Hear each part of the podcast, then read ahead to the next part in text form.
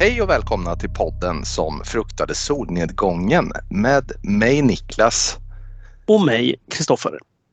Podden som fruktade solnedgången, alltså podden som pratar film i allmänhet men skräckfilm i synnerhet. Och jag vill börja med att eh, tillägna dig min kära vän ett stort grattis på födelsedagen för du fyller 38 år idag.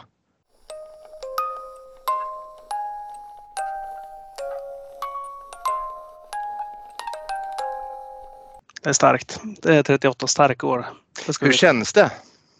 Du, eh, det har varit en extremt, eh, extremt vanlig dag faktiskt. Varit på barnavårdscentralen med barnen, jobbat, lagat mat, plockat ur diskmaskin. Ja, jag har en liten kärleksgåva till dig som jag inte hunnit överlämna som inte vi har sett i fysisk eh, form sedan eh, Koreakriget typ. Men har du fått någon fin gåva av någon då idag?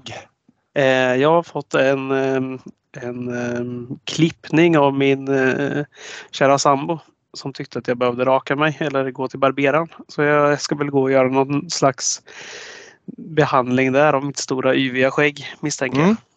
Så att, ja, men det, det, är bra. Mina barn är ju för unga för att ge mig presenter men annars är jag säker på att de hade gett mig bra filmer eller liknande. Ja, kanske någon fin teckning.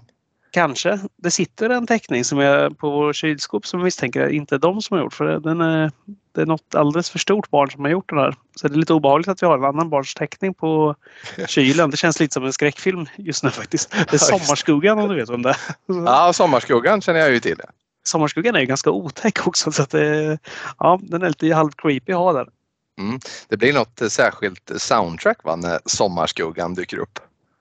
Ja, kanske det blir. Jag vet inte, jag, jag har inte det. sett någonting själv av det. Jag har bara sett liksom så här klipp. Ja, jag för mig att det, det, det är liksom en, en förändring i, i, i, i horisonten när, när sommarskuggan kommer. Att det blir någon form av speciell musik, men jag låter det där vara osagt. Ehm, ja, så är det med. Du, det var länge sedan vi poddade känns det som. Det är mycket hektiskt just nu. Senast så var det lite av ett specialavsnitt här med våra vänner från skräckfilmscirkeln, alltså eh, Filip och Fredrik tänkte jag säga det helt fel. Fredrik och Patrik där. Eh, men idag så är det du och jag igen på tu man hand som eh, det brukar vara. Och du, jag ska börja, jag, verkligen en punkt som jag har tänkt hela dagen på att den här behöver jag ta upp med dig. För jag känner lite här nu att jag, jag kommer kasta lite sten i glashus när jag tar upp det här för att vi har ju en skräckfilmspodd och det är ju någonting med skräckfilmsmänniskor, i alla fall de jag känner, eh, som, som man vill gärna se om filmer. Upplever du också att det kanske är lite mer bland skräckfilmsentusiaster att man gärna liksom återkommer till gamla skräckfilmer sådär som man har sett kanske tio gånger? Ja, men lite så är det väl. Men det är väl också lite så här de här lite smalare just genrerna på film, alltså just skräckfilm och kanske sci-fi och fantasy. Det är liksom så här, ja, men det smälter lite ihop där, att man alltid vill se de här gamla. Liksom. Det är ofta de gamla man vill se, det är inte de nyaste du vill se om ändå, eller hur? Utan Nej. Det är ju de lite äldre. Ja men så är det väl. Jag vet till exempel här nu att eh, ja, men vi har ju pratat, eh, Fredrik i skräckfilmscirkeln brukar ju nämna att han, han, han, han ser om gamla eh, filmer. Även om man inte älskar dem så, här, så ser han om dem eh, vissa när tiden är rätt. Jag vet att vår gemensamma vän Nicke Björk just nu håller på och avhandlar hela Bondboxen för, inte vet jag, 24 gången i ordningen. Jag vet också att han har lite som någon så här återkommande favorit att han eh, tar sig an fredag den 13 filmerna som han inte heller är sådär jätteförtjust i. Och jag skulle bara vilja, vilja säga, för att nu kanske jag blir avskydd, men jag, jag är ju inte mycket för att se om film överhuvudtaget.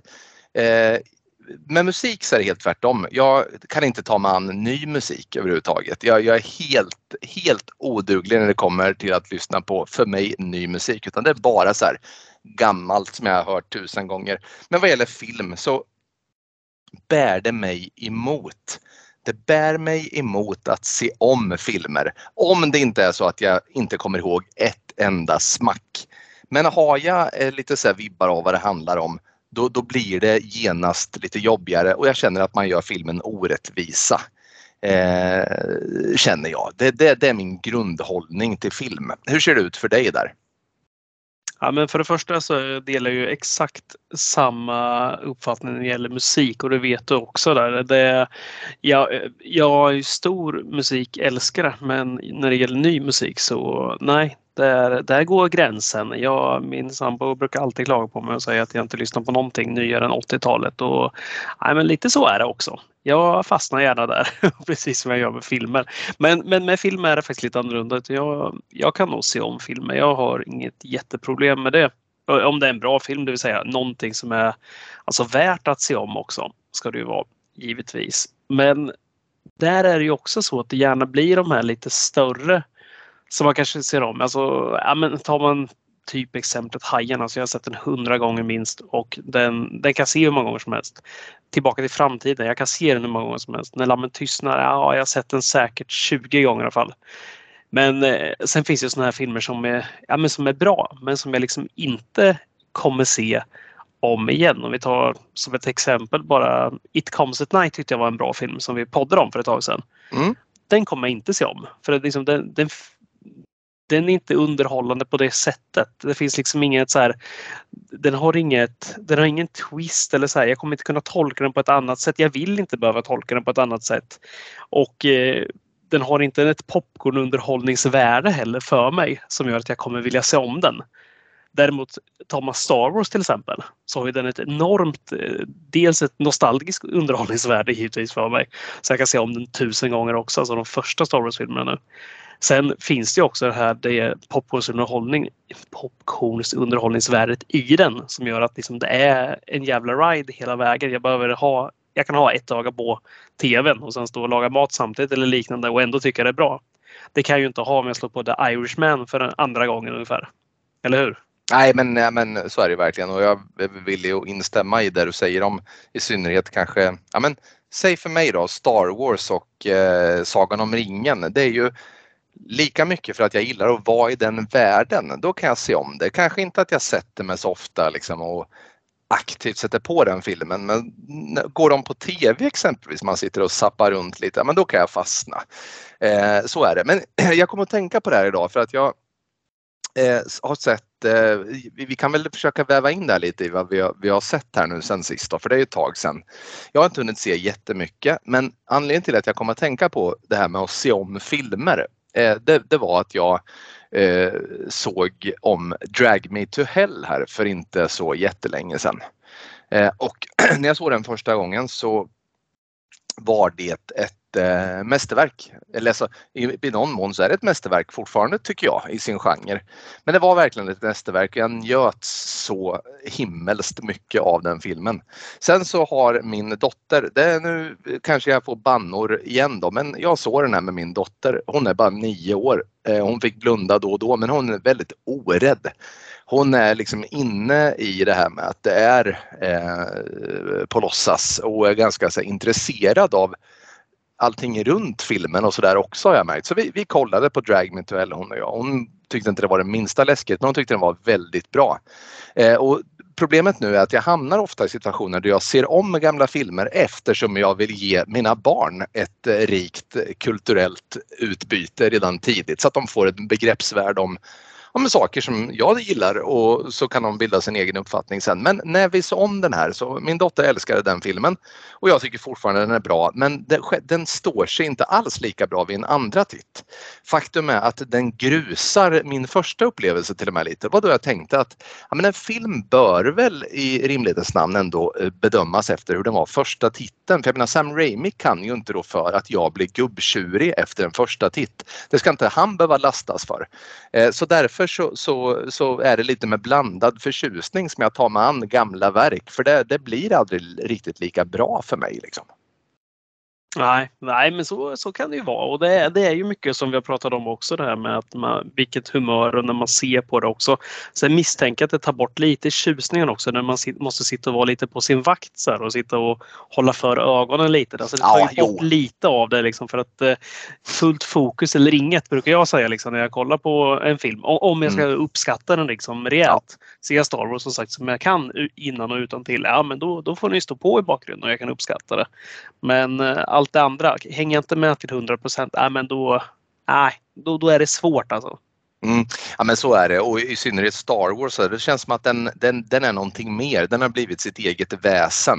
Det är så mycket mer än bara liksom shootouts mellan rebeller och stormtroopers utan det är liksom det är ett eget universum allt som hör därtill så att det, det blir liksom större.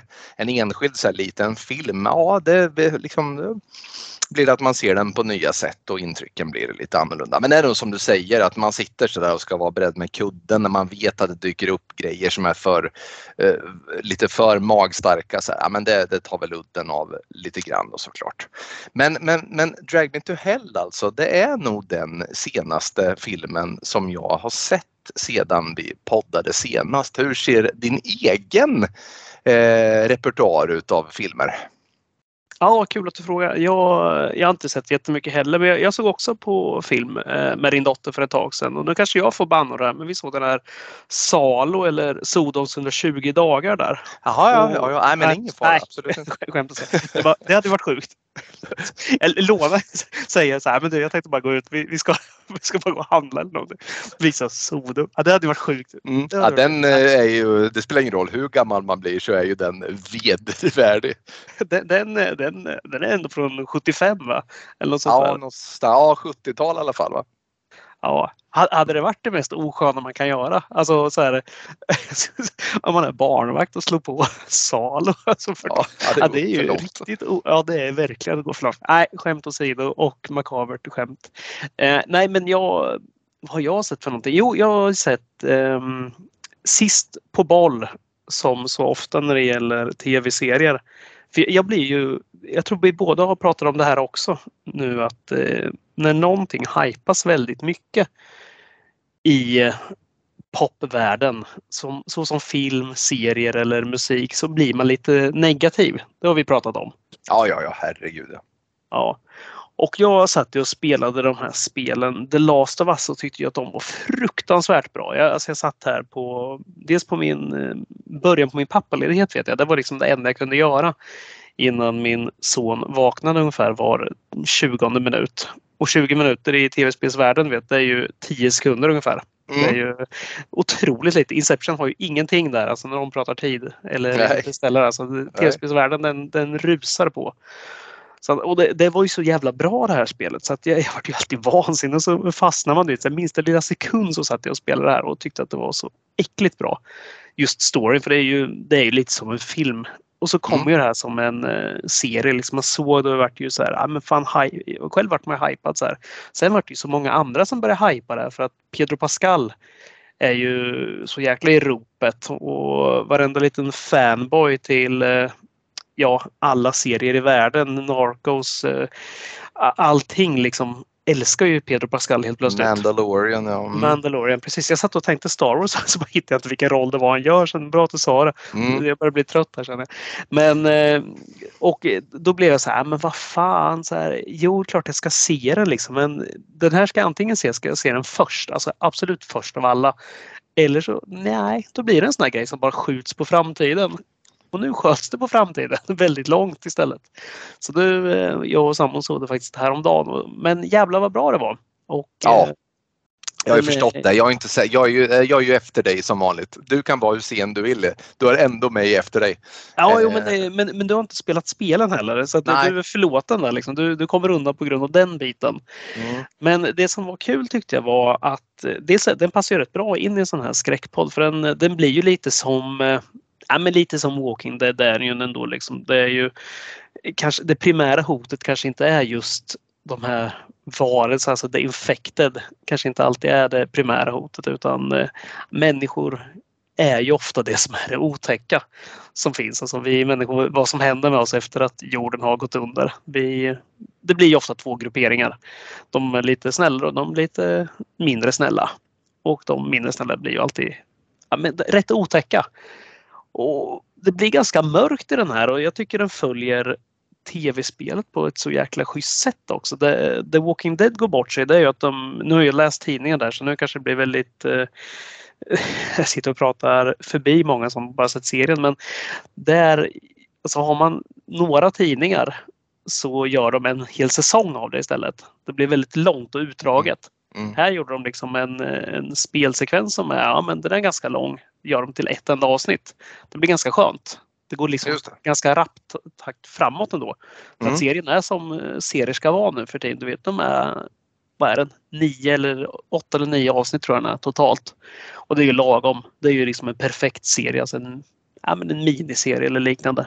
Så mm. får vi se om det kommer en säsong två eller inte. Men nej, jävlar, den, eh, den följde perfekt och det vart så, sådana kära återseenden på scener från spelet så jag blev så här, ja, men blev nästan lite tårögd och kände så här, men fan vad snyggt alltså hur, hur de lyckats med det här. Det är mm. otroligt. Mm. Och sen Pedro Pascal, helvete vad bra alltså. Karln är ju otroligt bra.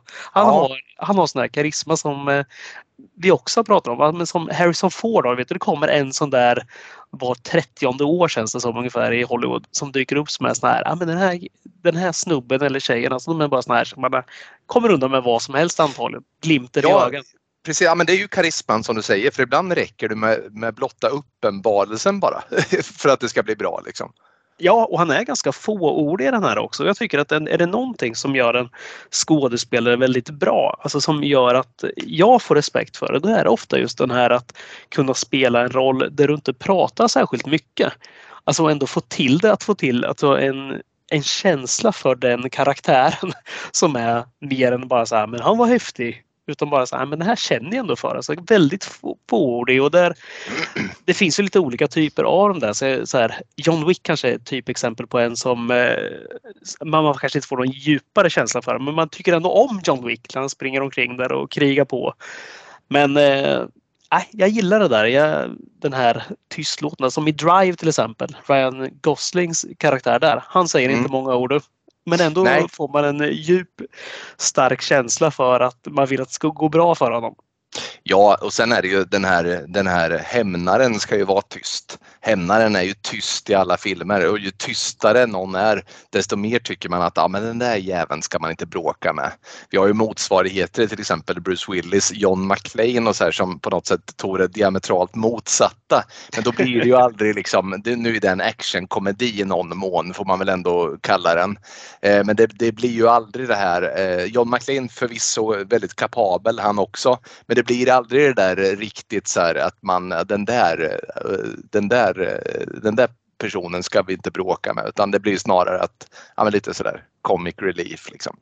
Ja men så är det. Man vill ju ha den där tystlåtna som, eh, ja men du vet, det som en liten uh, tryckkokare liksom som man bara vet så här, ja men nej, sluta nu, sluta sparka neråt nu på den här killen liksom eller tjejen mm. så här, för att mm. uh, snart exploderar den så och så går det en timme till du vet av filmen i lugn och ro och sen helt plötsligt då kommer det här. Ja men nu unleashar vi hell bara och så, så kör vi bara. Ja men verkligen, det är då det blir John Rambo. I couldn't kill ja. them all. I can kill you out here, I'm the law du vet, det, det, det, det, gillar man.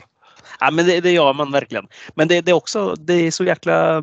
Jag tycker att det är en fin gräns där om man får den känslan eller inte mm. i många av de här filmerna också. Det är därför jag tycker det blir så schysst om man lyckas hitta en skådis som får till den och kan bära upp det. Inte prata någonting och sen ändå liksom bara gå från noll till hundra och få med mig i det. Då, mm. då är jag imponerad. Nej, nog om Last of Us och Pedro Pascal och eh, Hämnare. Jag såg eh, även en film som jag vet att du har sett också som vi faktiskt inte har pratat om och det var Scream 6 såg ju vi. Eh, vi såg den inte tillsammans men vi har Nej. båda sett den. Ja, vi har ju både, förlåt, den har jag ju sett också. Ja, såklart. Mm.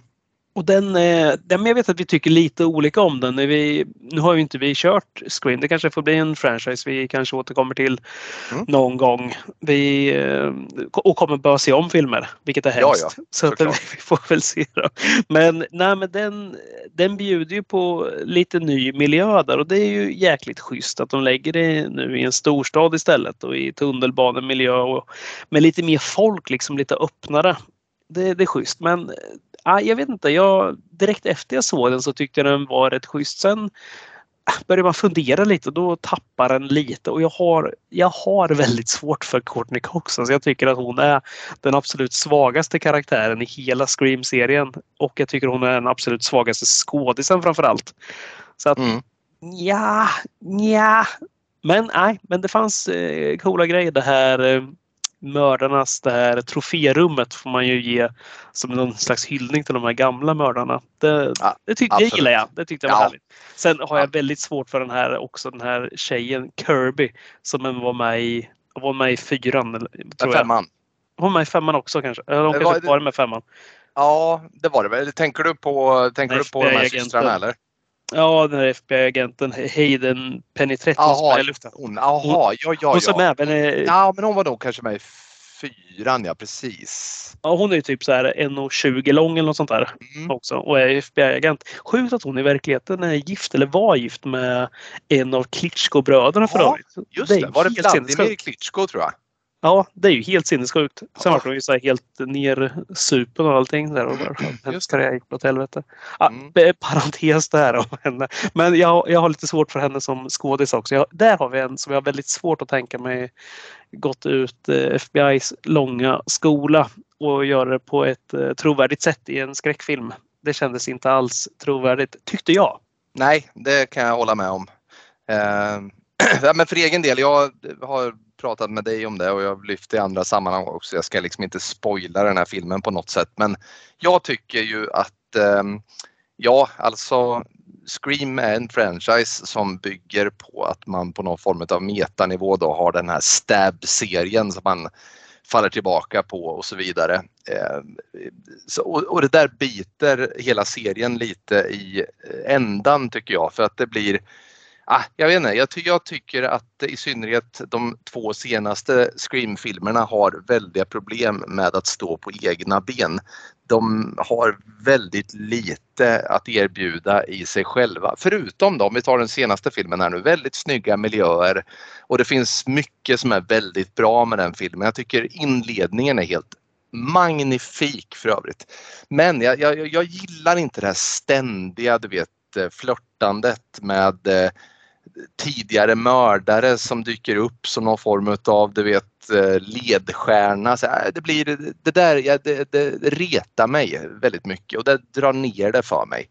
Nej, så jag, jag tycker att är man en stor Scream-fan så kan man såklart se dem och man kan se dem annars också men för egen del så, ja jag vet inte, jag vet inte riktigt hur jag vill att man ska gå vidare med det här men kanske så kanske vill jag ha ett helt bara nytt gäng Eh, och, och inga som helst tillbakablickar längre på något sätt. Ja, jag vet inte. Den som lever får se. Ja, jag känner mig också kanske någonstans, nu vet jag inte om man låter gammal här, men jag känner liksom att man kanske har växt ifrån lite. Alltså in, när jag såg Scream första gången, alltså första Scream-filmen, då var man ju, när är den från? 96? 96 ja, första 96. filmen ifrån. Ja, mm. då är jag 11 bast, det vill säga då är, då är man liksom så lite för ung för att liksom känna det här ja, men det här gänget. Alltså man känner ingen eh, samhörighet med dem för att man är liksom för ung för mm. att vara, vara där. Du var ju ändå 35 eller något liknande där. Så du kände dig säkert lite för gammal. Ja, nej men eh, sen, sen har man sett den kanske någon gång till där och, och liksom hängt med liksom att det är tonåringar. Men nu känner jag lite så här att man har växt ifrån de här. För nu har de gjort dem ännu yngre känns det som. För nu är vi mm. ju de här huvudkaraktärerna liksom jag vet inte, alltså du vet den här generationen som, som är nu. Det är, det är inte min generation. Alltså det är inte, jag, jag har lite svårt för den och det, den stör mig hela... jag tror du allting. är något på spåren. Självklart så måste det vara så. Nu tror jag, jag kanske, jag såg den säkert inte 96. Den kan ha kommit till Sverige 97. I så fall var jag 14 år när den kom och det är ändå jäkligt perfekt ålder alltså för en ny. Speciellt man är uppvuxen med så här gamla slasherfilmer som man själv är. Eh, då, Scream var något alldeles nytt. Det var, du vet, det var ju det var liksom så, som att, och, um, jag kan tänka mig att Trollkaren från uh, Os Oz var när den kom, att du vet när det här förtrollade landet var i färg. Alltså det kändes som att det var helt en vitamininjektion. Eh, men så var det just det att eh, visst, de var lite äldre än vad man själv var eh, i den här filmen, men det var ändå liksom rätt generation på något sätt. Och man kände att det, det, var, det kändes nytt och fräscht och, och allting. Men det börjar bli lite, det börjar bli, ja, kanske är vi gubbiga bara. Kan det vara så enkelt? Ja, alltså jag misstänker att det är det. Men allt blir lite hetsigare tycker jag. Och du vet så här, det är, ja, men det är lite som det är idag med allting du vet. Som vi har pratat om också det här med, med Netflix och allting. Man ska bara sappa förbi allting. Så här, alltså fokuset håller i tre sekunder. Sen måste det vara något nytt. Bara bam, bam, bam, händer Mm. någonting. Och det är Mm. lite så jag känner att de här karaktärerna är också. Liksom. Allt ska vara så jäkla hetsigt. Och sen kommer någon och gormar och skriker och är, ska ta plats. Jag vet inte Mm. fan, jag gillar det här när det är lite så här prata långsamt så jag hänger med istället. Fan var inte så jävla hetsig. Nej, nej, men det ligger något i det. Det som sagt, det, ju, mer, ju mer man är i den här samtiden desto mer önskar man att saker bara ska få spela färdigt. Så Ja. enkelt är det.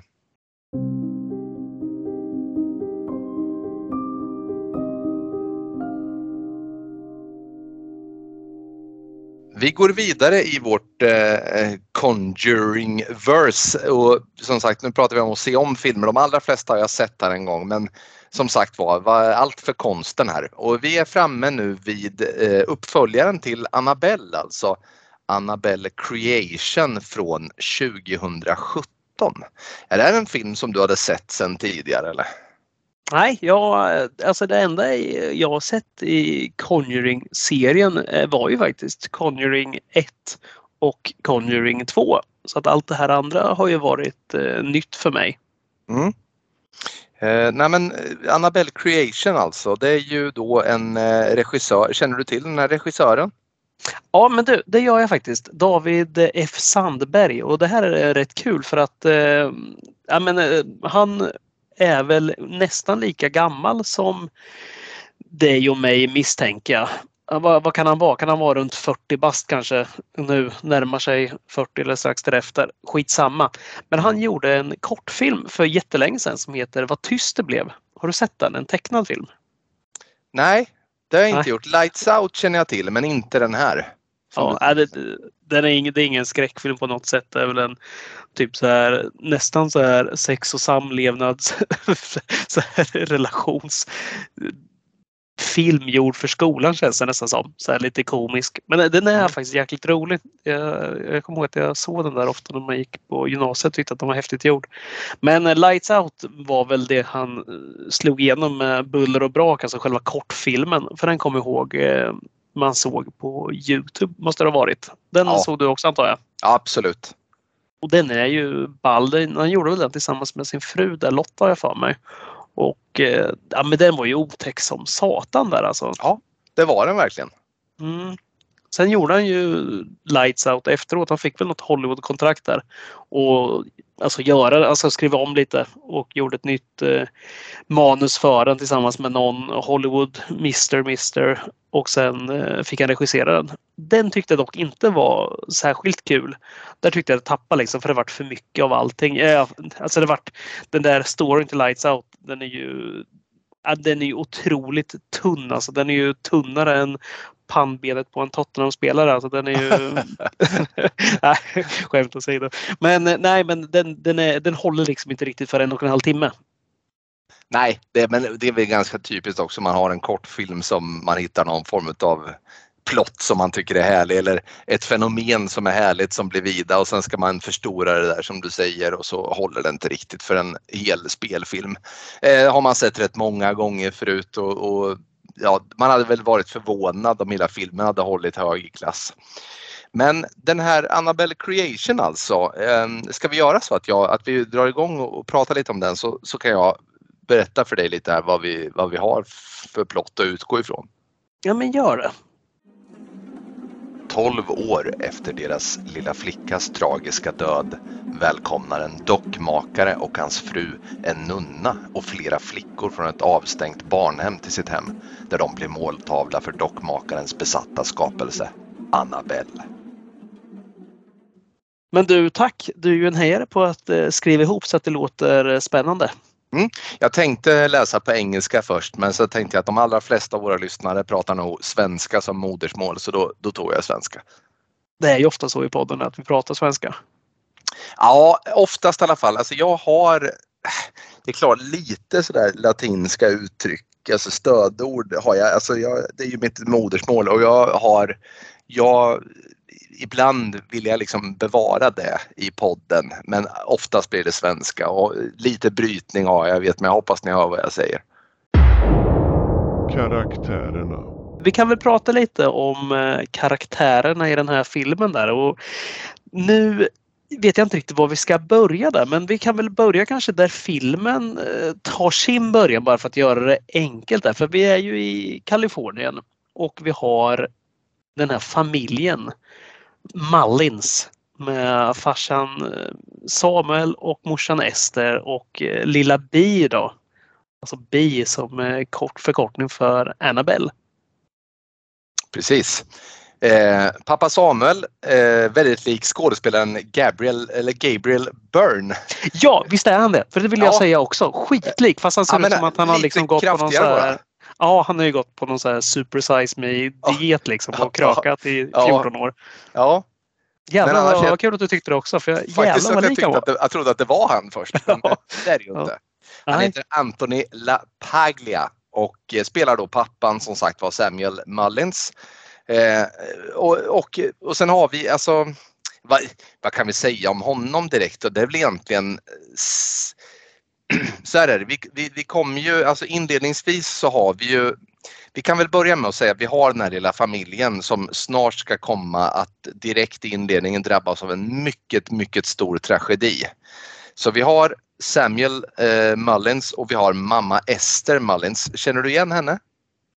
Ja, det gör jag. Jag känner igen henne från massa tv-serier men framförallt känner jag igen henne från den här fatala magplasket i film. Eh, eh vad heter den här? Konungs återkomst heter den va? Som mm. Eowyn. Eh, precis, hon är med i, hon är, hon är Eowyn också i Sagan om de eh, två tornen. Hon är alltså eh, häxmästaren av Angmars dräpare. Eh, brorson, eller vad säger jag, brorsdotter eller systerdotter till kung Tioden av Roan. Eh, henne, ja, blivande maka till Faramir. Det är mästerliga filmer det här och en mästerlig bok som vi har att göra med. Ska vi kan, prata kan, kan om vi, Sagan om bara... Konungens återkomst istället för Annabelle Creation? Nej, men, men det jag skulle vilja ha där det är nu när du drog hennes släktträd där, kan du göra exakt samma sak på din sambo här lite, lite snabbt bara så får jag se hur långt det sträcker sig kunskaperna där. För jag misstänker att du kan betydligt mer om den här. Ja, det är helt sjukt ja. Precis, jag kan mycket mer om Eowyn. Uh, nej, men uh, ja, uh, Eh, min sambo Malins morbror heter Anders. Och han, han är alltså häxmästaren av... Ja, det är inte morbrorn som är häxmästare. Men, ja, jag vet inte. Vi får se om Malin dräper någon framåt. I så fall får vi se om det i så fall kan om hon trumfar häxmästaren av Angmar. Jag har svårt att tänka med det. Jag är ju häxmästare. Vaktmästaren av Angmar. eh, lilla Bi, men ska vi ta upp det direkt då? Det är den här lilla dottern eh, och, och, hon råkar ut för en olycka inledningsvis. Vad, vad är det som händer egentligen?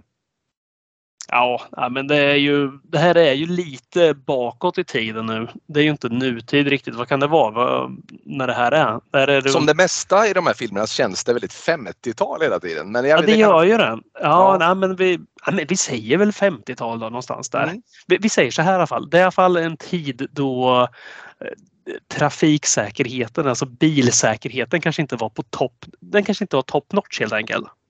Nej, och det är inga Tesla-bilar som åker runt på vägarna heller. Och det tackar vi gudarna för. Här. Tänk vad trist den här filmen hade kunnat bli då. Oh. Men, nej, men eh, det blir ju så att det blir ja, men någon liten punktering eller liknande. Något skiter sig med hjulet. Jag kan ju noll om bilar så jag har ingen aning vad som kan hända mer med ett hjul än punktering. Men Vi utgår från punktering tycker jag. ja, det tycker jag också. Vi, vi ska inte avhandla allt för mycket bilfel i den här podden. Det kan ju ha varit något med spindelleden också som krånglar. Att de liksom inte kommer åt den utan att skruva av hjulet. Men vi låter det vara osagt. Ja. Nej men så att pappan där, Samuel eller Samuel, då, han, eh, han börjar ju fippla med det. Och han, han fattar ju inte heller vad som är fel, märker det som. Han är lika okunnig som jag där. Nej Mm. men så, så blir det lite fel där någon liten mutter hoppar ur eller liknande och åker ut på vägen. Och vem ser inte den här muttern om det inte är just Annabelle, alltså bi som springer ut och ska hjälpa sin pappa för att hämta den här. Då. Och ja, precis när hon gör det så kommer givetvis en bil och smack kör över henne. Mm. Hade du kört med sån våldsam hastighet förbi på en så trång väg när det står en familj och håller på och byter någonting och skruvar på alltså, Människan kör ju som en idiot förbi dem. Alltså jag har ju inte körkort här så jag kommer ju undan med rätt mycket här och säga att jag kan göra det utan att någon behöver se snett på mig. Men Mm. nej, men det hade jag nog inte gjort. Det känns ju dumt att göra. De Mm. brast ju förbi i ordentlig fart. Sen vet jag inte om jag hade, alltså de har ju otroligt dålig koll själva här också. Ja, kan jag tycka. verkligen. Men, men vi, vi dömer inte folk i den här podden inte. Nej. Utan, men det vi borde prata lite kort om här bara, det är ju den här, vad han jobbar med. Alltså Samuel, den Ja, goda är Samuel. Mm. Ja, det blir ju det lite så här. Hans dotter som sagt eh, går ju bort där, men innan får vi veta att han sitter ju faktiskt så är, Han är ju en väldigt uppskattad dockmakare. Mm. Och han Ja, gör ju men- de här... eh, Ja, nej men ta vidare. Nej, nej, jag skulle bara säga nej precis. Jag, han tillverkar dockor. Ja, och för, vi har ju redan pratat om filmen Annabelle innan så vi alltså, alla är ju antagligen redan bekanta med hur den här dockan ser ut i Conjuring Verse. Den ser inte ut som i verkligheten då. Och den här filmen har väl nada vad jag vet att göra med verkligheten heller. Den här är ju bara en spin-off egentligen. Alltså origin story. Ja. Ja, precis. Ja, nej, men han har gjort den här halvläskiga, eller mycket läskiga porslinsdockan, alltså porslinsansiktsdockan. För det är väl porslin misstänker jag. Som är Mm. färgat. Och den är ju otäck men den, till en början så kanske det inte är riktigt lika otäck när man ser han tillverka den där. Tycker jag. Utan då får man lite mer känsla för att ah, men det här är ju en vanlig jäkla docka. Alltså. Mm. Då, den, den sitter inte i samma dunkla ljus eller liknande utan den sitter mer liksom i ja, lite varmare färger och så vidare. Och då känns den inte alls lika, lika otäck. Nej, men precis. Eh, ja, men det är vad vi har att jobba med och, och, sen, och sen går det några år. Är det 10-12 år någonstans där som går? Va? Ja, 12 år. 12 år är det som går och, och, och det är då egentligen de eh, filmens verkliga huvudpersoner eh, kommer eh, in i handlingen. Och det är ju då en, en nunna, Sister Charlotte, som har hand om ett gäng föräldralösa barn och ungdomar.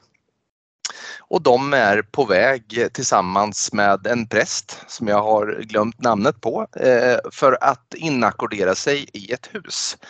Ehm, och det är ju då familjen Mallins eh, mycket stora hus.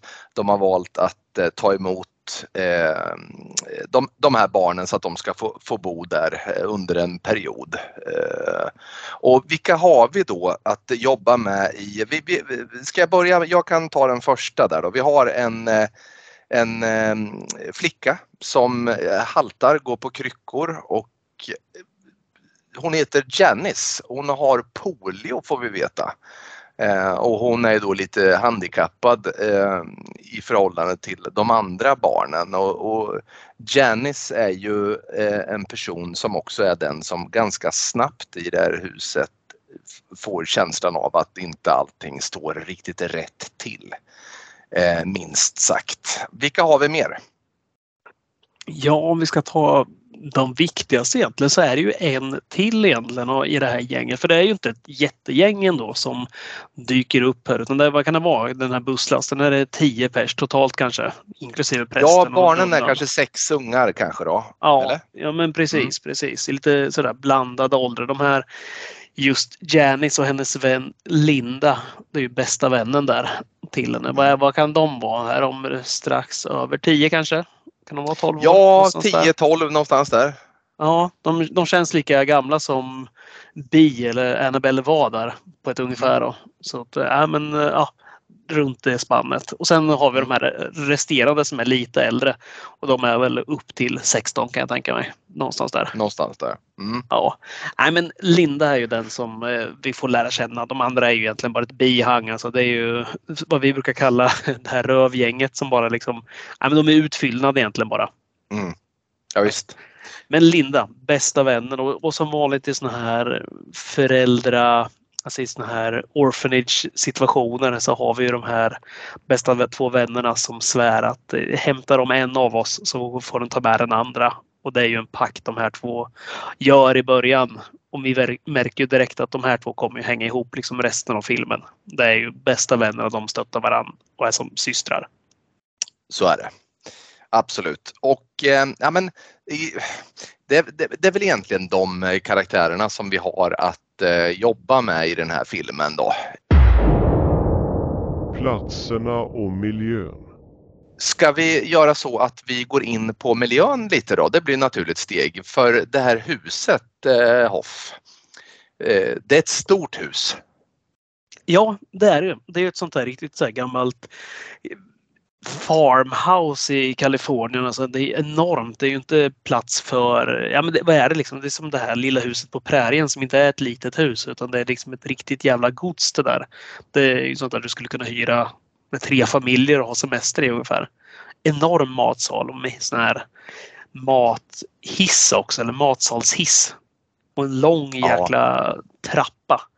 Så, och det är ändå rätt så här, ja, men som ja, amerikanska hus är byggt liksom. Du vet det här med, det är ganska luftigt. Det, och det, det, som det sipprar in vind lite här och där på vissa ställen. Och det finns mycket vrår och det finns väldigt mycket gömmer. Alltså det är ett, det är ett jäkla bra hus för skräckfilm skulle jag säga. För det finns otroligt mycket att upptäcka i det här huset. Mycket vrår, mycket lönndörrar eller liknande. Mycket gömställen.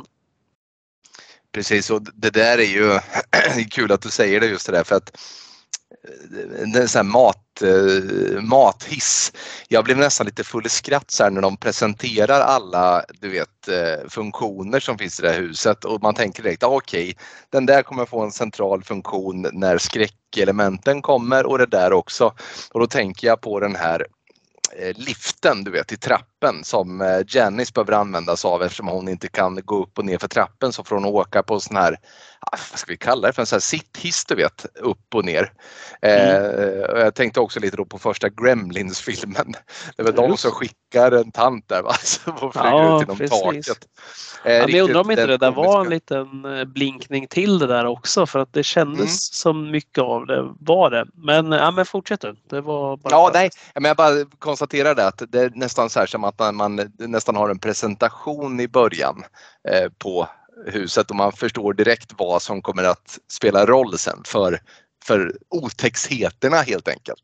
Ja men verkligen och jag kan nästan fortsätta på det temat du är inne på där för det finns ju ett sånt här litet miniatyrhus av huset också uppe i ett rum. Alltså ett perfekt slöjdat lite sånt där Barbiehus får man väl kalla det. Mm. Eh, och det är ju väldigt identiskt. Så tänkte jag direkt på den här Her- Hereditary. Hered, vad heter den så? Ja, Hereditary, precis. Ja, Starten Exakt på den. Ja. likadant där också. Så Mm. där har vi den och sen den här mathissen det har vi sett i hur många skräckfilmer som helst som sagt. Mm. Och det där vet nog David F Sandberg mycket väl om misstänker jag. Och leker med oss och lockar oss in i fördärvet. ja, visst. Det tycker han om tror jag. Ja, men det är klart han gör. Men eh, sen är det ju också lite så här för att som sagt var i det här huset, ja men det är ju då familjen Mallins hus och sorgen vilar ju även 12 år senare tungt över det här huset. Det är ju Samuel som tar emot de här då och han är ju en, eh, en sliten man såklart. Alltså, fan, man vågar väl inte ens föreställa sig eh, hur man överhuvudtaget kan återhämta sig efter att ett Eh, barn har dött men eh, det, han är på benen i alla fall och någonstans så finns ju också Ester. Man får lite sådär, det är också lite så kusligt kan jag tycka. Man eh, har, liksom, hör ju när hon liksom kan ju, hon kallar ju via en liten klocka hon har som hon ringer i. Man vet inte riktigt från början i vilket rum hon ligger men hon är ju så att säga sängliggande. Hon, har ju, hon, hon, hon går ju inte längre utan hon ligger ju i sängen. Kanske tyngd av sorg, kanske tyngd av någonting annat. Man vet inte riktigt varför men hon är Eh, väldigt vital i början av filmen. Eh, hon är redo att dräpa eh, häxmästaren av Angmar. Men, men hur det blir sen, det, hon ligger där hon ligger och kan inte dräpa någon, någon Nazgul. I det läget så är det ju. Ja men exakt, för vi får ju bara se in där liksom genom en halvstängd dörr i en millisekund så ser vi att hon ligger i någon slags sån här, äh, men vad, vad, kallar man en sån här säng som har du vet, en sån här slöja runt sig? Ja, alltså men så prinsessäng liknande. Ja, prinsessäng. Ja, precis. Ja, så vi ser ju där, vi kan skymta liksom att det är någonting med hennes ansikte också som har hänt där. Liksom. Vi ser ju att eh, äh, men, det är någonting. Hon är lite vanställd på något sätt. Mm. Och, Harvey Dent-varning på Esther Mullins är det. Ja, verkligen. lite, lite sån här feeling av Zelda från djurkyrkogården också just i ögonblicket när dörren stängs där lite. Att man ser att det är något, någon obehaglig kvinna som ligger där inne. Ja, visst. Men jag, jag, får också den här känslan, precis som du sa där med Samuel här, att han är liksom, han är ganska, ja, men han är väldigt sorgsen. Men ändå tycker jag det är svårt också att se på honom om man är, alltså nu, nu vet vi ju ändå att de har tagit sig an de här barnen. Att ta, mm. erbjuda sitt, öppna sitt hem liksom och ha dem där. Utan någon egen vinning i det. Alltså någon ekonomisk mm. vinning i alla fall. Eh, så att någon slags godhet bör ju finnas i honom. Jag, jag, får lite den här känslan av, kommer du ihåg den här, nu hoppar jag, vilket jäkla hopp det här blir, men till eh, du vet den här gubben som är ensam hemma. Han som, eh, han grannen, du vet som Med skyffen? Exakt. Han mm. ser också så här, han ser lite obehaglig ut men, och, men samtidigt väldigt sorgsen och liksom så här, ja, men som, en, som en snäll gubbe bara. Ja, Eh, ja men verkligen, och, och, det är helt sjukt för att en punkt jag hade tänkt ta upp var en annan referens till just ensam hemma. för vet du vad jag kände? När barnen kommer till det här huset så spelas det väldigt glad musik medan de går runt och undersöker huset.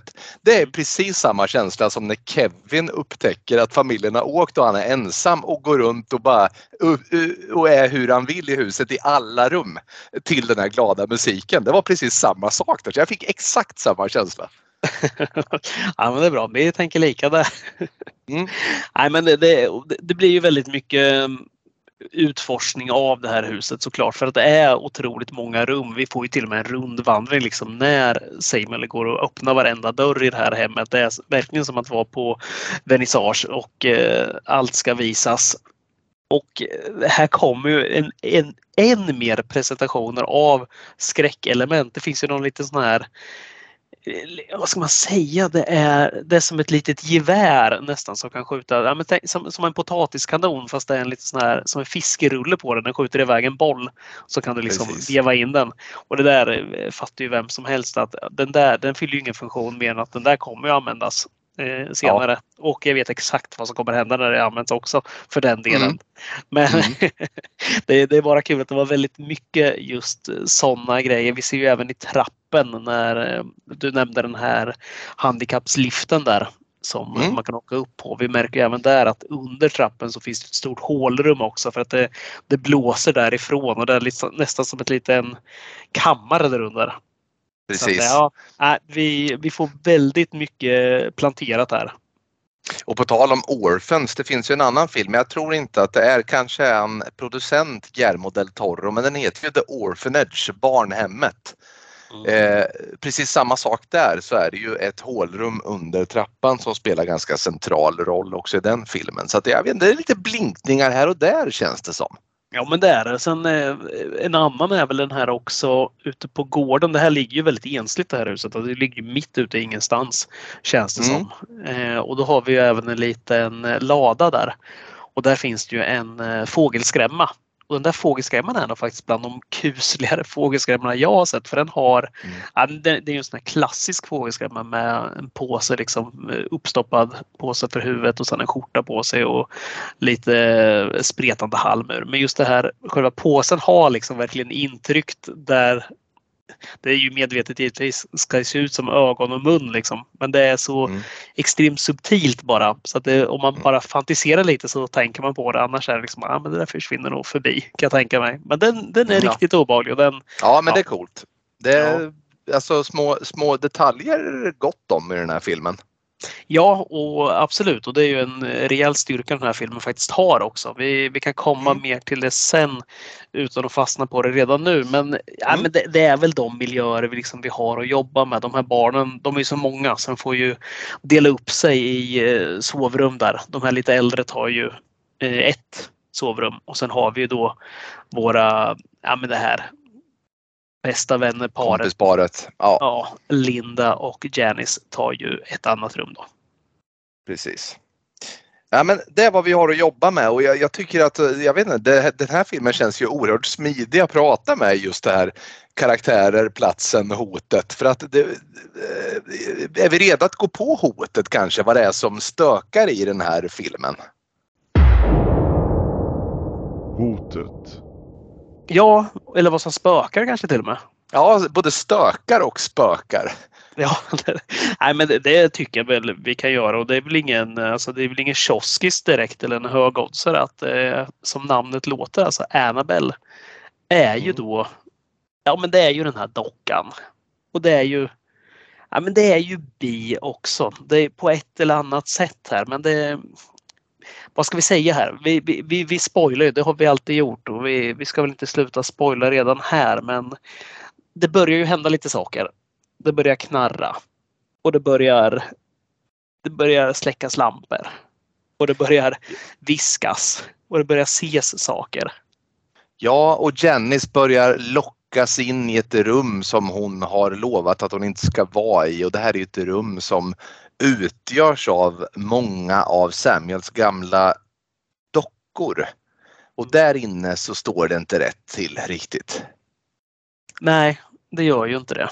Och dit in ska man ju inte och det är ju det här rummet där, för visst tänker vi på samma här, det är väl det rummet just med den här eh, lilla Barbie-huset. Ja, precis. Mm.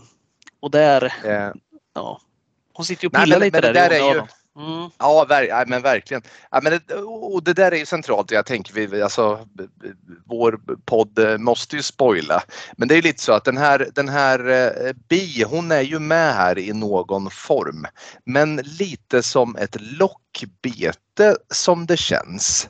Eh, hon ger ju sig till känna på ett väldigt obehagligt sätt först eh, till den här Janice. Men, men Janice börjar ju hitta små, små ledtrådar i, det- i det här hemmet om att ja, men här har det nog bott en liten flicka också vid något tillfälle för att hon hittar ju en sån här du vet som man målar, eh, ja, när man eh, ja, sätter streck för efter hur mycket ens barn växer på väggen. Liksom, så här lång var du när du var fem och sju och allt vad det är. Ja, Eh. Det ser hon. Och så börjar hon ju se den här lilla eh, bi eh, här och där. Eh, Men det är ju inte riktigt bi utan det här är ju en mycket, mycket svart variant av bi och det är something else that dwells within.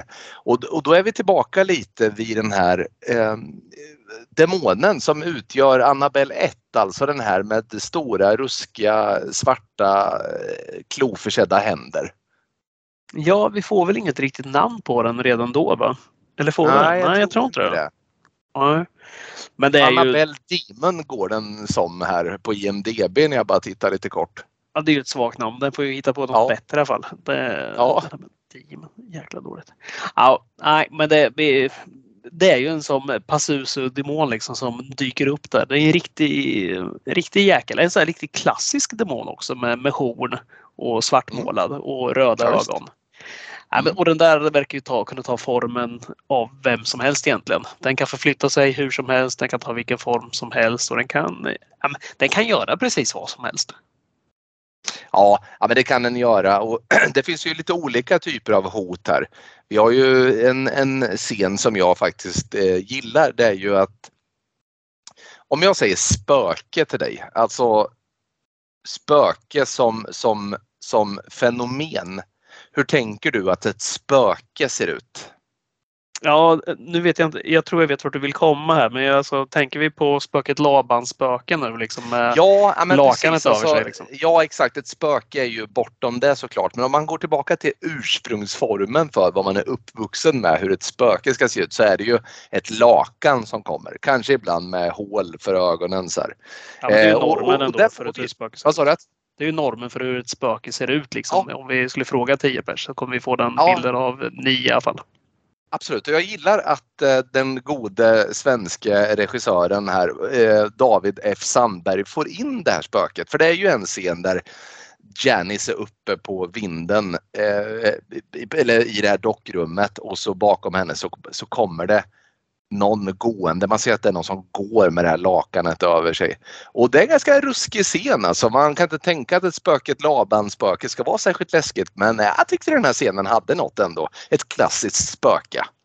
Ja, hon kastar väl det här lakanet över just dockan va? För att hon Ja. liksom tycker den är obehaglig. Att den eh, har ju bytt liksom ställning där och tittat på olika håll. Och så Ja, ser vi ju liksom att den reser sig upp bakom sen och, och går iväg. Nej, men Mm. det, det, och det funkar i den här. För jag vet att jag sa det i något annat. Eh, om det var till första filmen Annabelle så sa jag att det är ganska skönt att den inte gör någonting mer den här dockan. Den sitter liksom bara och inte rör sig. Men det funkar i den här så länge man eh, när man inte ser att dockan rör sig själv. dockan. Nej, Exakt. precis. Då funkar det faktiskt väldigt bra istället. För att då, då bryts inte magin om vi säger så. Det, Nej, det men tycker exakt. jag är bra. Nej, men, det, och, men jag håller med dig. Jag tycker också att just den, den spökdelen funkar bra för att just det här långsamt krypande är ju faktiskt väldigt mycket bättre än de här snabba jumpscaren som annars kommer till. Och det, det får jag faktiskt ge Sandberg här att i hela den här filmen så leker han ju med varenda liten skrämseleffekt som finns tror jag. Alltså jag kommer liksom, han, han tar tillvara på allting och han vet ju att vi vet hur, en, eh, alltså hur jumpscares funkar. Så att han väljer ju att inte lägga dem hela tiden där vi, där vi vet att de ska komma. Så att det, det liksom det, han vet det här också. Han är ju expert på ljus känns det som. Precis som Lights Out. Liksom. Han har ju redan lekt med en hel film. Men eh, det han gör väldigt bra är ju just de här detaljerna med att när vi har en kamera som till exempel filmar ja, men något obehagligt som Annabelle, alltså dockan sittandes på en säng. Vi, alltså, han vet ju att allt vårt fokus kommer att ligga på den här dockan. Det är den som, Ja, men det händer ju ganska mycket omkring runt det här istället. Så dockan är ju still. Men det är lite dockhus som blinkar. Det är lite såna här dockteatrar som rör sig utan att stå i centrum. Och det är rätt Mm. smart är det tycker jag. För att det är det som blir, det liksom föder en sån här riktig otrygg känsla hos mig. Som jag säger, det är obehag. Plus att det här när vi har, när det blir släckt i den här filmen, alltså så fort en dörr är öppen och, och du har tänt i det rummet som du är i så är ju alla, tittar du ut genom dörren, nu försöker måla upp den här bilden, men tittar du ut genom dörren då så är det ju kolmörkt där utanför. Det är liksom det är Mm. som att antingen är det tänt eller så är det släckt. Det spelar liksom ingen roll hur nära du är när den här lampan. Liksom. Är, du, är det en dörr däremellan, en öppen dörr, så är det liksom ja, men det är svart eller vitt. Och där är det ju verkligen så att så fort finns det, för då vet han ju, vi sitter ju och letar efter liksom minsta lilla kontur efter ett ansikte eller efter någonting där. Och vi, man sitter ju nästan, man sitter och stirrar efter den här, finns det någonting? För det första vi möts av är ju faktiskt bi i början. I den här lilla flickan som går förbi när hon, eh, Janice åker upp för den här lilla hissen. Så ser vi bara att hon Ja, springer in där i mörkret. Och någon annan gång har vi den här demonen som bara, det är bara så att man ser ett litet öga eller ett litet horn eller någonting träda fram. Det är otroligt korta eh, glimtar av det och det där är jäkligt snyggt. Ja, jag tycker också det är jäkligt snyggt. Det får mig också att tänka nu när du säger det på den här, när den här nunnan eh, Sister Charlotte visar upp en bild på några andra nunnor i ett rumänskt kloster eh, som vi kommer få följa i filmen The Nun senare i serien. Eh, hon visar upp de här fyra nunnorna och sen i mörkret till höger om en av nunnorna så är det en annan gestalt som dyker upp i mörkret. Så att lite bara beroende på hur hon vinklar det här kortet så ser man att det står en annan nunna där bredvid. Det tycker jag också var väldigt snyggt. Mm, väldigt synd. Det blir väldigt obehagligt också när de just pratar om den här. När, de, när hon förklarar där att de här tre nunnorna kommer väldigt nära på vår Mm. resa till ja, Rumänien. Då. Mm. Och så frågar ju om vem det nu är. Då. Om det är eh, Samuel eller vem det nu är. Och bara, Mm. vem är den här, den här personen då? Jaha, det här, den tror jag aldrig jag pratade med. Jag visste inte ens att den var här. Och det, det, Nej. för att det är så. Man ser ju ganska, ganska snabbt också vem det där är på den här bilden. Ja, Om exakt. man kan sina Conjuring-filmer. Ja. Men nej, väldigt eh, effektivt och eh, bra gjort. Som sagt, där, där tar man vara på de effekter man har. Liksom. Alltså de element. Eh, Ja, jäkla, jäkla bra. Men eh, om vi ska återgå till hotet där så är det ju den här demonen som, eh, som spökar och skrämmer och har sig och lurar de här stackars barnen konstant. Den, eh, man får liksom inget riktigt grepp vad den är ute efter heller utan den, eh, den bara jävlas med dem konstant. Mm. Det är ju en eh, som vrålar åt bi där ju. Att eh, ja, men det är själen han vill åt och, och, och det är väl, det kan vi väl gå in på också eftersom det är en spoiler varning då men, men, men det är ju bi som, som på något sätt får den här demonen i sig precis som jag har glömt vad hon hette men i Conjuring 2 precis som en av flickorna där blir hårt ansatt av den här demonen så blir också bi det. Ah, ah, ah. Nu, nu är du inne på fel person. Janice är det som får den. Ja, nej, ja såklart. Det, alltså bidemonen som på något sätt har utgett sig för att vara bi eh, försätter Janice såklart. Så ska det vara. Eh, och det är Janice som, det var väldigt kul du skickade till mig så här, varför, varför de här demonerna alltid ska spy andra i käften. och det är väldigt kul för det är väldigt talande för det är alltid så det går till i de här filmerna också. Och mycket riktigt, bidemonen spyr Janice i käften och eh, besätter då Janice helt enkelt som blir eh, otrevlig. Ja. Och visst fan, visst gör de det i Drag Me to Hell också eftersom vi pratade om den precis innan. Ja. Här. Visst fan spyr de henne i ansiktet också. Ja, det är inte bara en gång kan jag säga är utan det, riktigt det är en spya. Det är en spya som mer eller mindre, den värsta spyan är ju när hon får liket över sig som spyr. Det känns som det värsta av två världar att bli spydd i käften av ett lik. Kan det är inte kan inte bli värre. Nej, men de, är, de är äckliga med det där också. Det är, liksom, det är inte alltid det fyller någon funktion känns det som. Utan det är bara liksom, nu ska jag vara nära dig. Liksom. Jag ska, det är enklaste vägen in. Ja, men det kanske Ja, inte är det. Men det finns Ja, ju andra vägar också. Men det kanske hade varit äckligt att se. Där blir det ännu värre kanske. Ja, precis. Nej, men det, det, det är ju vidrigt. Och sen den här jäkla spindelgången som de alltid håller på med. Ja. Eh, Den har man sett några gånger. Det är väl sen Exorcisten där i den här ny varianten av den. När de gjorde någon här Directors Cut så gick hon ju någon här spindelgång nerför trappen. Kommer du ihåg det? Ja, men jag tror, gör hon inte det i den gamla originalfilmen?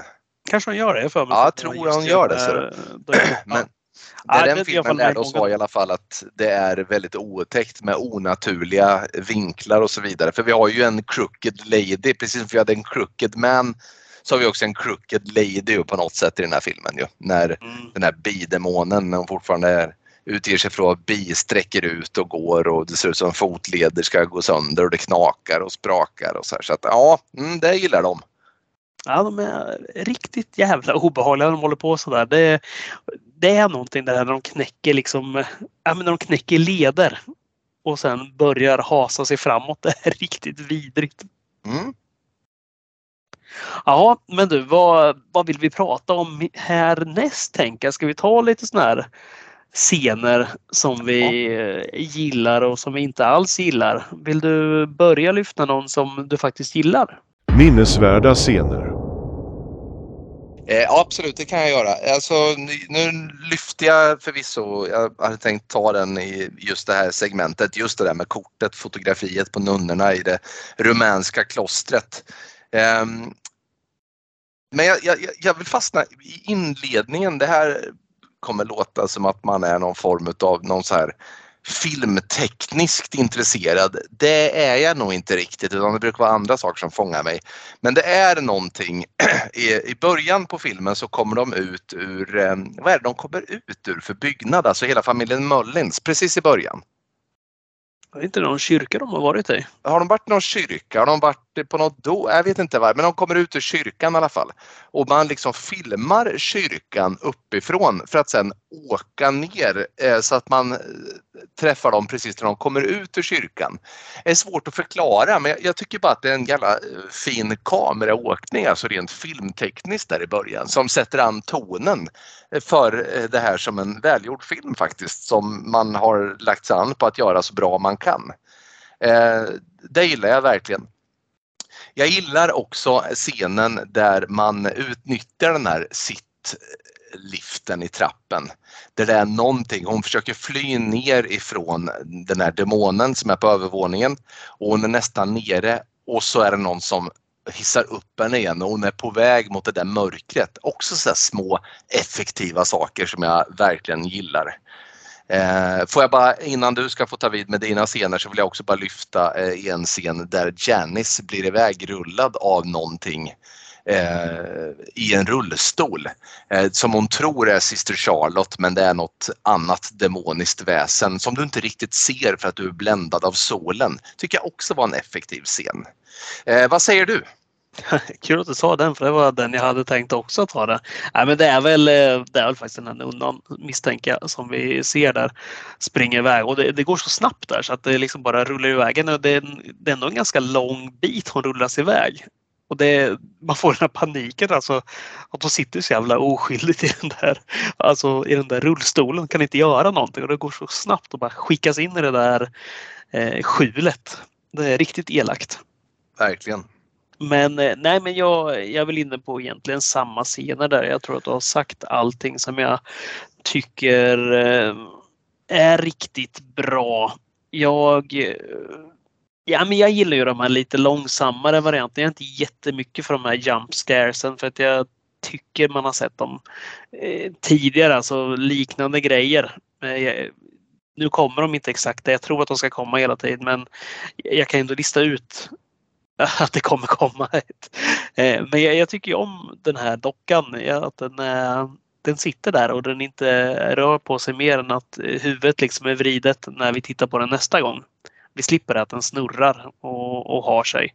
Utan den, den sitter lugnt och fint där och är bara en, en, bra design på den och den är obehaglig. Sen ett sånt här litet dockhus är alltid obehagligt. Eh, speciellt när det är så bra gjort och identiskt med hur ett hus ser ut så blir det väldigt obehagligt på något sätt.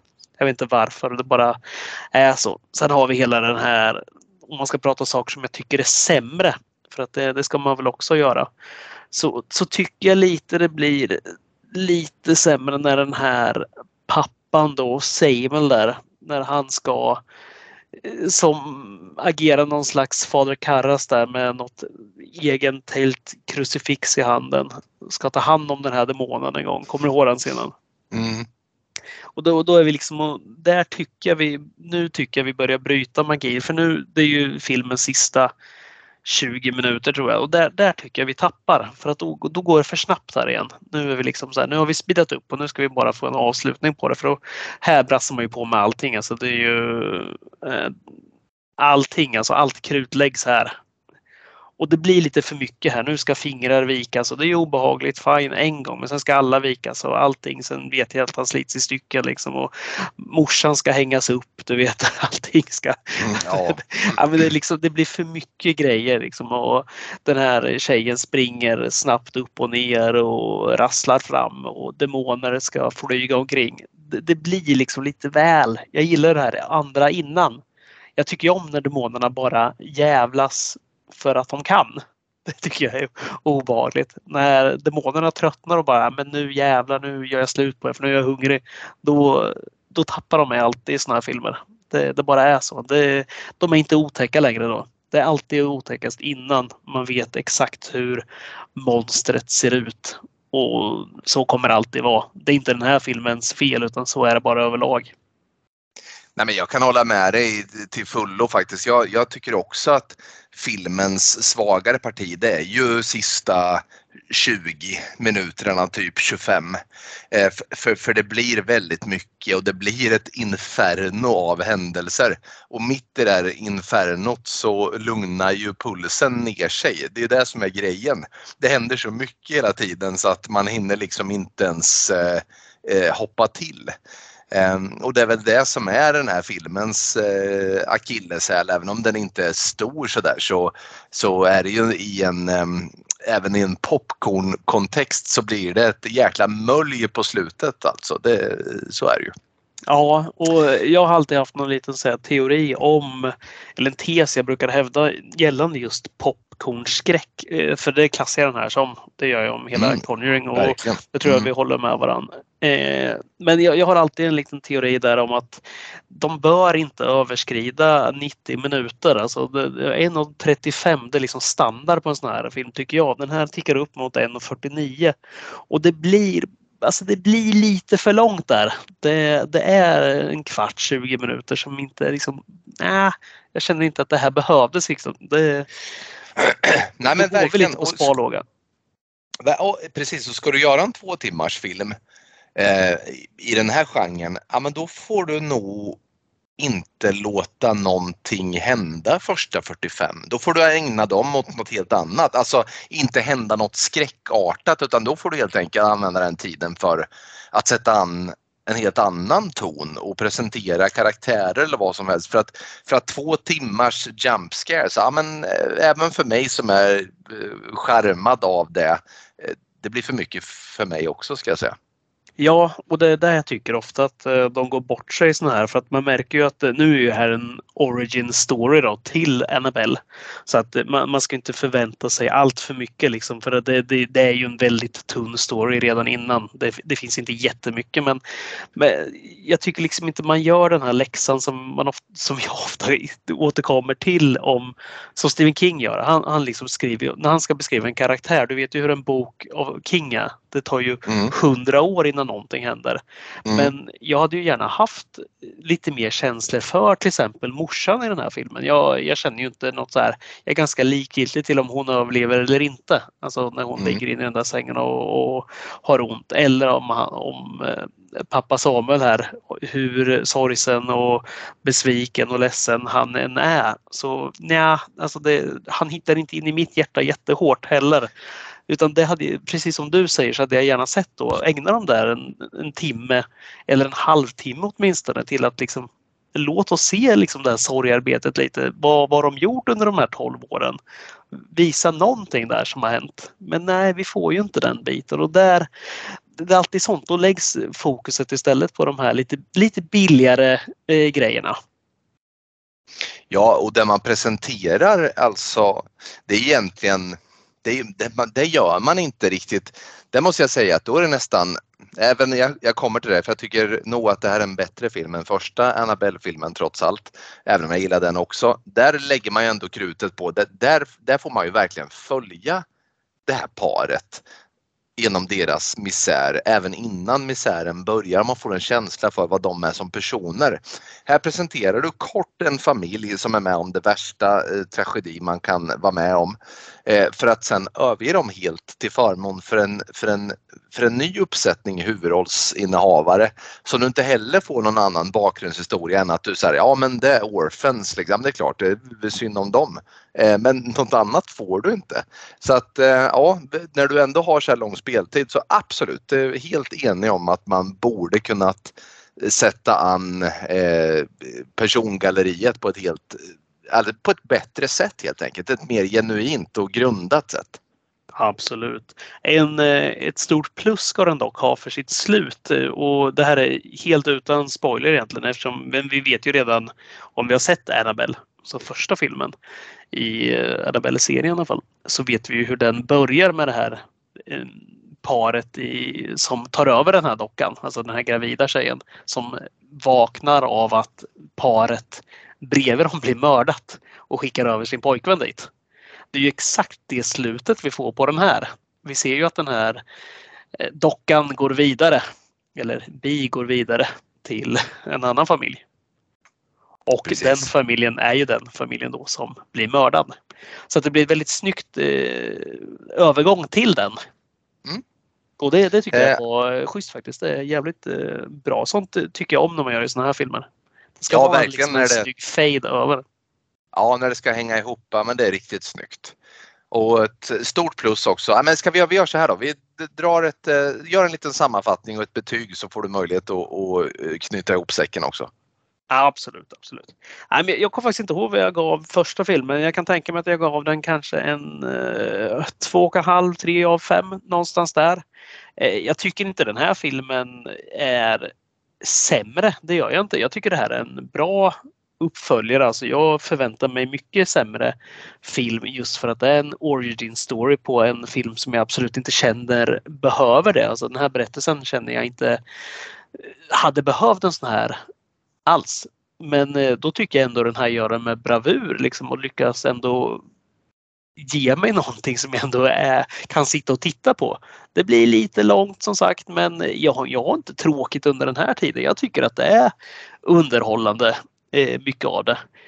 Eh, det jag tycker också är kul är de här olika elementen som vi bjuds på i just skräck. Det finns någonting, någonting för alla. Det finns eh, lite psykologiskt, det finns jumpscares, det finns den här långsamt krypande skräcken och sen är det alltid ett plus att lyckas göra filmer med så pass unga barn utan att egentligen ha några vuxna skådespelare som tar någon plats och att lyckas få dem samspelta och eh, trovärdiga framför kameran. Och det gör den här bra.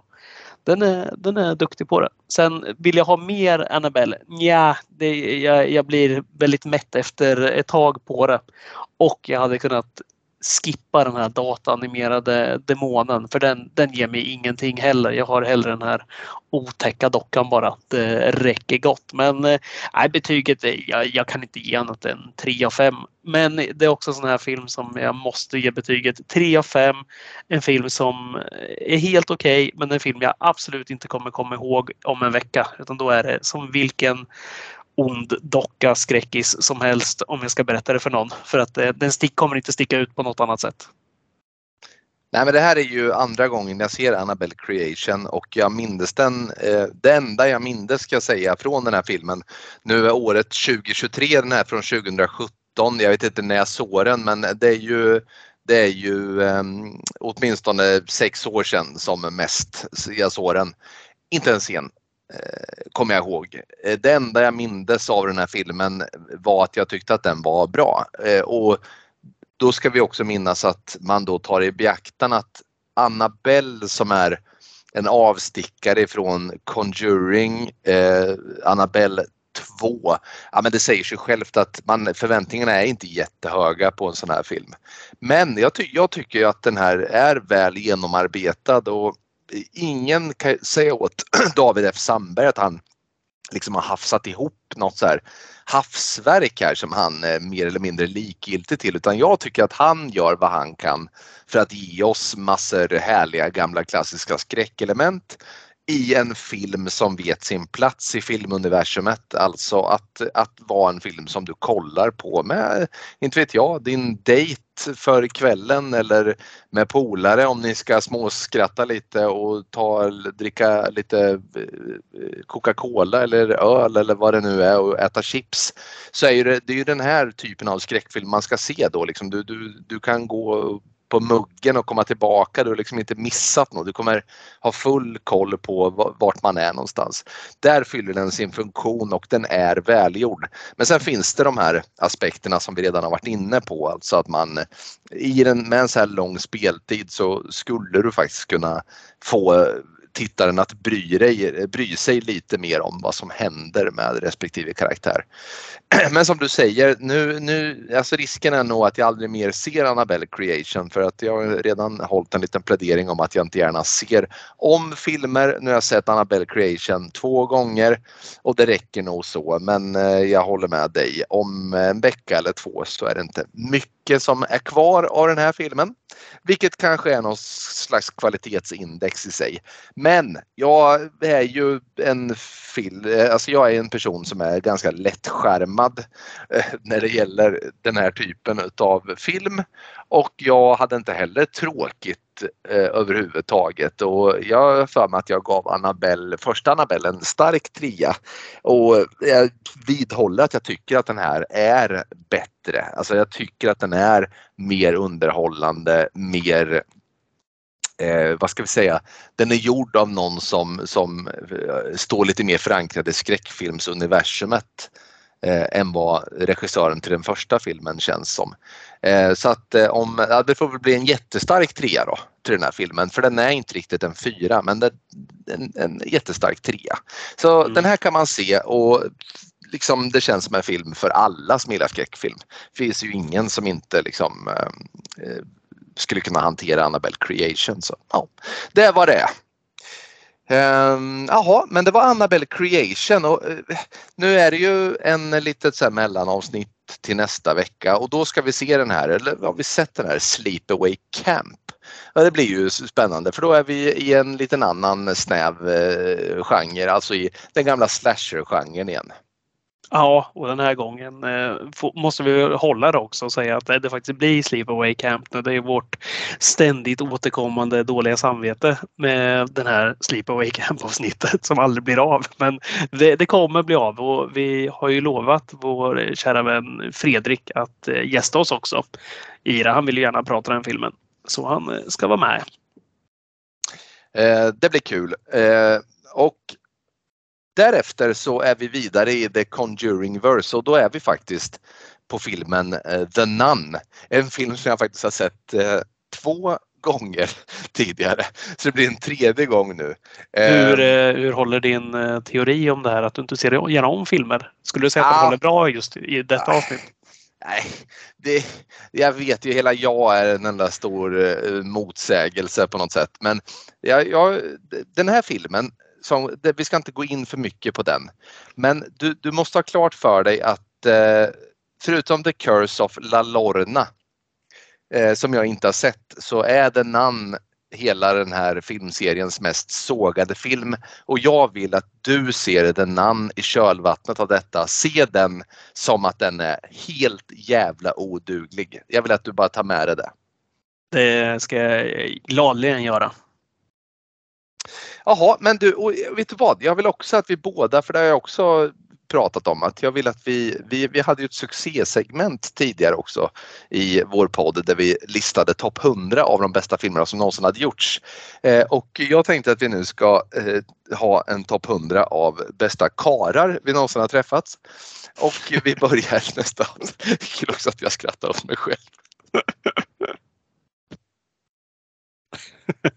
Herregud. Ja, det var ju... Bästa karlarna. Bästa karl. Nej, men vi behöver fundera på eh, en, en, en ny topplista. Vi säger så här att i nästa avsnitt, alltså i Sleepaway Camp avsnittet så presenterar vi vad nästa topplista kommer bli. Helt Ja, enkelt. Som ska följa oss i ja, men, eh, åtminstone eh, fem avsnitt framöver. Absolut. Men du, ska vi göra så här då? Att eh, det lektes ju så himla mycket med mörkret i den här filmen. Men eh, om, eh, om ni som lyssnare föreställer er ett väldigt mörkt rum där ute så ser ni bara mig och Niklas gå mot det mörkret tills vi inte finns där längre. Så ses vi helt enkelt i nattens mörker.